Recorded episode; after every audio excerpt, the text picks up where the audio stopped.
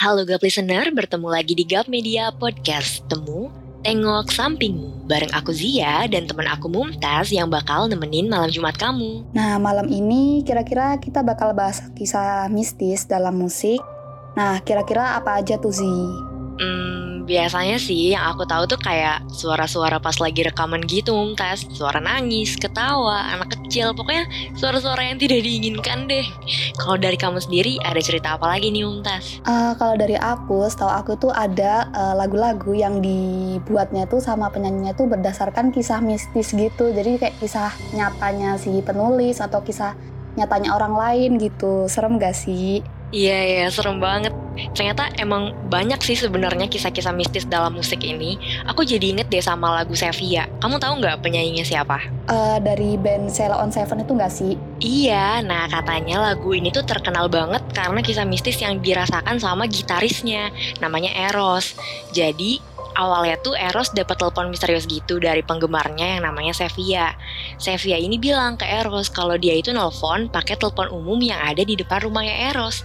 Tapi pas Eros lihat ke sana tuh gak ada siapa-siapa. Cuma ada gagang telepon yang melayang gitu ya, serem banget ya. Terus ternyata nih setelah beberapa hari akhirnya Eros tahu kalau Sepia itu sebenarnya udah meninggal gara-gara kecelakaan waktu on the way ke konser Sheila on Seven. Ya ampun. Eh sumpah sih demi apa serem banget tau gak? Tapi ya ngomongin band, ada juga nih kisah mistis dari band asal Indonesia juga nih. Kamu tau gak sih Peter Pan? Wah, ada apa tuh sama kisah mistis dari Peter Pan? Jadi di salah satu lagu Peter Pan dengan judul Ku Katakan Dengan Indah, pas banget di menit keempat lebih 42 detik sampai menit keempat lebih 52 detik ada suara perempuan yang katanya nih suaranya tuh mirip banget sama suara almarhumah Nika Ardila. Dan satu hal lagi nih yang bikin terkejut, ternyata studio rekaman laguku katakan dengan indah itu adalah studio rekaman yang sering digunakan sama almarhumah Nika Ardila. Waduh, gila sih, kerasa banget seremnya sampai sini. Waduh, Kenapa ya kisah mistis dalam lagu itu selalu aja berkaitan sama orang yang udah meninggal. Jadi merinding kayak kamu kamu tahu nggak sih lagu Resah dari Payung Teduh nih Mumtaz? Kamu tahu nggak? Uh, aku kurang tahu sih. Emang ada apa sih di lagu Resah Payung Teduh? Perasaan lagunya enak banget loh didengerin. Masa ada kisah mistisnya juga nih? Iya, liriknya bagus banget kan. Tapi kamu ingat nggak sih bagian ini yang Aku menunggu dengan sabar di atas sini melayang-layang, tergoyang angin menantikan tubuh itu. Gimana? Udah paham belum makna liriknya apa? Yang serem banget sih. Jadi katanya cerita ini tuh datang dari temennya Comni, mantan personil Payung Teduh. Comni sama temennya lagi pergi mendaki gunung. Terus temennya itu akhirnya memutuskan untuk mengakhiri hidupnya dengan cara gantung diri karena dia mau nyusul kekasihnya yang udah lebih dulu meninggal dunia. Makanya ada tadi di liriknya di atas ini melayang-layang tergoyang angin. Ih, ya ampun. Aduh gila, merinding banget. Wah, bener juga sih kata kamu tadi. Kisah mistisnya yang ada di lagu beberapa musisi ini tuh berkaitan sama orang-orang yang meninggal dunia ya ternyata. Iya, jadinya pas denger lagunya tuh kayak ada sensasi-sensasi merindingnya gitu. Iya sih, bener juga. Tapi ada juga loh lagu yang punya kisah mistis tapi nggak ada sangkut pautnya sama orang yang udah meninggal. Hah, masa sih? Kalau gue apa emang?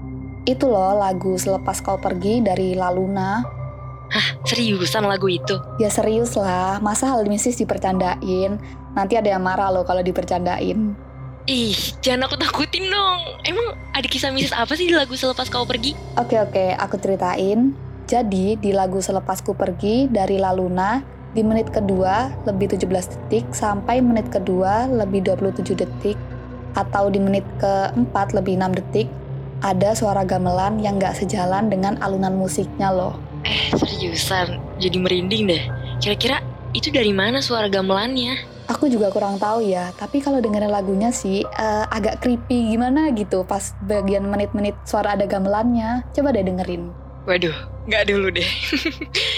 ada sih satu lagi nih lagu yang bikin aku merinding juga. Kamu tahu nggak Thinking Out Loud-nya Ed Sheeran? Emang kenapa lagi nih? Emang ada kisah mistisnya juga? Orang alut lagunya tuh loh enak banget. Iya, emang enak banget lagunya, apalagi buat pengantar tidur gitu kan. Tapi kamu sadar gak sih kalau di detik ke-44, tepatnya di bagian lirik heart, itu ada suara anak kecil. Katanya suara itu berasal dari arwah penasaran yang menghuni studio tempat Ed Sheeran rekaman lagu itu. Wih. Eh sumpah demi apa? Jadi takut tau gak sih uh, dengerin lagunya Padahal lagunya tuh enak banget loh Viral banget gak sih waktu masanya Iya, sempet viral kan. Tapi ada juga nih yang bilang kalau suara itu tuh sebenarnya suaranya Harry Styles, mantan personil One Direction itu loh. Hmm, tapi kan kalau sebuah lagu mau dirilis gitu kan harusnya ada proses editing dan lain-lain gitu nggak sih? Masa iya backing vokal yang nggak disengaja itu tadi eh, nggak uh, dihapus atau mungkin take ulang gitu? Aneh banget deh. Hmm, nggak tahu juga ya. By the way, kalau lagu Indonesia ada lagi nggak sih yang punya cerita serem gitu? Ada nih, kebetulan aku tahu satu lagu yang booming banget di tahun 2008. Uh, eh, judulnya tuh Tinggal Kenangan dari band Karamel. Harusnya gak listeners tahu sih lagu ini, terkenal banget deh waktu itu. Oh yang ini bukan sih yang pernah ada yang katanya penciptanya udah meninggal gitu. Nah bener banget, jadi kalau ceritanya Ega, cowok yang disebut-sebut vokalis Karamel, meninggal karena bunuh diri, soalnya patah hati. Nah, ada pula juga sih yang bilang kalau si Gaby, sosok asli penulis lirik itu nyanyiin lagunya sendiri dan dikabarkan juga Gaby itu meninggal karena bunuh diri lantaran patah hati juga. Waduh, kok serem gitu ya? Oh, jadi dari dua versi itu sama-sama mengaitkan lagu itu sama cinta dan kematian gitu ya? Nah iya, tapi faktanya juga sih ada orang yang klaim dirinya tuh sebagai penulis lagu Tinggal Kenangan alias Rifai Ilyas bisa disebut juga sama Pai itu ngaku kalau nggak tahu loh tentang uh, kisah mistis yang beredar dan si Pai ini juga ngaku kalau bawain lagu tersebut tuh bareng teman-temannya waktu momen ulang tahun Sanggar Seni Mahasiswa di suatu kampus di Makassar waktu 17 Juli 2004. Dan lagu yang berjudul Jauh ini tuh diciptain sama gitaris Karamel setelah dirinya itu ditinggalin sama kekasih hati waktu naik pelaminan pada tahun 2003. Waduh, nggak jauh-jauh dari kisah cinta pilu ya guys ternyata. Iya sih, semua versinya tuh berhubungan sama kisah cinta. Terus dulu nih ada rumor gitu Mumtaz katanya kalau kita dengerin yang versinya Gaby, malamnya tuh bakal didatengin sama penulisnya. Ih. Ya ampun jadi merinding banget, sumpah deh. Mau dengerin lagunya tuh jadi mikir dua kali gitu, takut beneran. Waduh, jangan sampai ya. Terus aku ada nih cerita dari lagunya Rihanna yang gak kalah terkenal dan serem juga pastinya. Judulnya Umbrella. Itu loh yang liriknya Ella, Ella, Ella. Pasti tahu kan ya. Rumornya nih, waktu lagu ini menduduki top chart gitu, ada hal yang unik. Seiring dengan naik turunnya lagu itu di top chart, kejadian hujan badai dan awan kayak yang ada di lagu itu tuh jadi kenyataan. Dan ya hujan deras aja gitu di Inggris dan Irlandia Terus akhirnya banyak orang minta lagu Umbrella ini diturunin dari peringkatnya di top chart. Dan yang lebih ajaibnya lagi, waktu lagu Umbrella udah turun nih peringkatnya, cuaca di Inggris dan Irlandia juga ikut membaik. Ajaib banget ya. Waduh, terlepas dari betul atau enggaknya ya uh, sesuatu di lagu itu, tapi kok bisa pas banget ya sama cuacanya? Kok bisa gitu ya. Beda banget nih sama lagu-lagu sebelumnya udah kita bahas ya. Agak unik nih yang satu ini. Iya, aneh banget kan? Tapi belum selesai nih Om Tas. Gak cuma dikaitin sama cuaca yang buruk aja, tapi lagu Umbrella juga pernah dikaitin sama hal-hal yang berbau satanis. Pernah denger kan ya kalau di luar negeri sana emang terkenal banget sama industri hiburannya yang katanya banyak menggunakan hal-hal yang berbau satanisme. Nah, iya aku juga pernah nih baca artikel yang emang banyak sih penyanyinya tuh di sana itu uh, buat naikin popularitas mereka gitu. Jadi buat mereka tuh biar makin terkenal gitu. Aneh banget sih menurut aku. Nah, kalau di lagu Umbrella ini contohnya ada di kata Rockefeller. Katanya kata itu tuh merujuk pada cerita keluarga Rockefeller yang diketahui sebagai anggota Illuminati. Terus kata sun yang ada di lagu ini tuh sering dikaitin sama Dewara alias Dewa Matahari di kepercayaan Mesir kuno. Terus juga lambang mata Dewara ini sering digunakan sama para penganut satanisme buat menunjukkan eksistensi mereka, Mumtaz. Emang udah gairan lagi sih kayaknya penyanyi-penyanyi di sana tuh ikutin aliran-aliran kayak gini. Aku juga ada nih lagu tentang satanisme juga. Lagunya tuh dari Spanyol, judulnya tuh Acereje. Apa tuh? Aku belum pernah denger cerita tentang lagu itu. Kayak gimana ceritanya? Nah, jadi nih lagu ini tuh katanya uh, adalah suara panggilan buat mereka sang pemuja setan. Dan bila diperhatiin lagi sih, di bagian refnya tuh emang agak aneh gitu.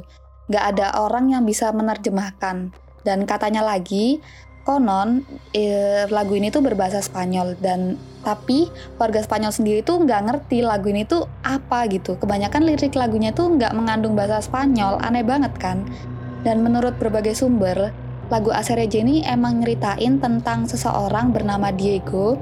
Dia itu orang yang tampan dan menawan.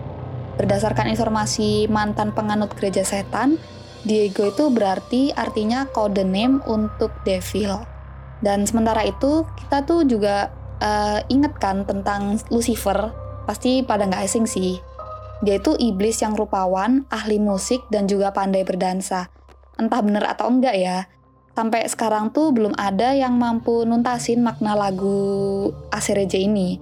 Beruntung lagu ini tuh udah nggak lagi diputar karena tergerus lagu-lagu yang lebih easy listening, dan kalau itu bener pun uh, lagu pemuja setan, maka itu adalah ajakan yang gak terpuji banget sih kalau menurut aku. Padahal lagunya sempat terkenal banget kan ya. Oke, okay, next nih. Karena dari tadi lagu luar terus, aku mau ceritain lagu anak-anak dari Indonesia. Demi apa sih lagu anak-anak? Kok bisa serem ya lagu anak-anak? Ceritanya agak menarik juga nih. Mungkin nggak bersama juga udah ketebak lah ya ini lagunya apa. Yap, Nina Bobo. Oke, aku bakal ceritain ala-ala dongeng nih. Konon, dulu ada sebuah keluarga Belanda di Indonesia. Keluarga itu punya seorang anak perempuan, namanya Nina. Pada suatu malam, Nina berteriak kencang saat hujan dan petir mengepung daerah tempat tinggalnya. Sesaat kemudian, Nina tak sadarkan diri dan kerasukan setan. Makhluk halus yang merasuki Nina seakan betah dan tak ingin keluar dari tubuh Nina. Berbulan-bulan Nina kerasukan dengan kondisi yang semakin memburuk. Hingga suatu malam, akhirnya makhluk halus yang merasuki Nina itu keluar dan Nina sadar. Ibunya yang kala itu mendapati Nina sudah normal, menangis melihat anaknya sembuh. Sambil menangis, Nina berkata, Ibu, aku takut. Ibunya menjawab dengan menangis juga. Tidak apa-apa nak, ibu ada di sini. Ayo makan, kamu pasti lapar. Nina menjawab, Nina tidak lapar, Bu. Tapi bolehkah aku minta sesuatu? Ibunya membalas, boleh nak, apa pun itu ibu pasti kabulkan. Nina berkata, aku mengantuk. Aku hanya ingin tidur. Maukah ibu menyanyikan sebuah lagu untukku? Ibu Nina terdiam dan menjawab dengan senyum bahagia. Baiklah, aku nyanyikan sebait lagu untukmu. Nah, gak listener, saat itulah lagu Nina Bobo tercipta dari ibunya Nina. Jadi sejak malam itu, Nina akhirnya tertidur pulas dan tidak pernah bangun lagi. Ya, Nina meninggal dunia. Konon katanya, kalau ada anak dinyanyiin lagu itu, Nina bakal datang dan ngejaga anak itu dari gangguan makhluk halus. Baik banget ya. Eh, kirain Nina bakal gangguin. Ternyata Ninanya baik banget ya. Iya, jadi sedih sih. Kamu ada satu cerita lagu serem lagi nggak, Mumtaz? Ada nih, lagunya tuh asal Indonesia juga sih. Lagu apa tuh? Kayaknya masyarakat Indonesia udah nggak asing sih sama lagu ini. Judulnya tuh Lingsir Wengi. Lagu berbahasa Jawa ini tuh terkenal banget waktu muncul di film horor Indonesia. Judulnya Kuntilanak. Dan di film ini nih, uh, Lingsir Wengi itu jadi lagu yang buat manggil setan. Tapi ternyata faktanya lagu ini tuh punya banyak versi lirik dan salah satunya itu ternyata sebagai media dakwah dari Sunan Kalijaga loh. Jadi kesan lagu ini tuh kayak pelan, lembut, halus gitu. Dan di zaman Sunan Kalijaga ini tuh uh, lagu Lingsir Wengi itu sebagai doa penolak bala. Artinya lagu ini tuh nolak-nolak hal buruk dan gangguan-gangguan makhluk gaib juga sebagai permohonan pertolongan kepada Sang Maha Kuasa lewat sholat malam. Wah, aku baru tahu nih kalau ternyata malah ada versi lainnya yang buat dakwah dan juga buat doa. Iya ya, selama ini tuh orang-orang tuh ngiranya kalau itu tuh lagu horor, padahal bukan ya. Salah kaprah banget sih ini. By the way nih, gak kerasa nih udah lama juga kita ngobrolin lagu-lagu serem dari tadi. Ya, terlepas dari bener atau enggaknya rumor yang beredar tentang lagu itu, yang terpenting adalah bagaimana kita menghargai musisi atau orang yang telah berkarya menciptakan lagu-lagu tadi. Nah, bener banget nih Zia. Terima kasih juga buat Gap Listeners yang udah ngeluangin waktunya buat dengerin cerita serem dari kita di episode temu kali ini. Stay tune terus di sosial medianya GAP, yaitu Instagram at gapmedia.id, Youtube Gap Media, dan pastinya podcast Spotify ini. Aku dan Zia pamit undur diri. See you on the next episode, GAP listeners. Dadah!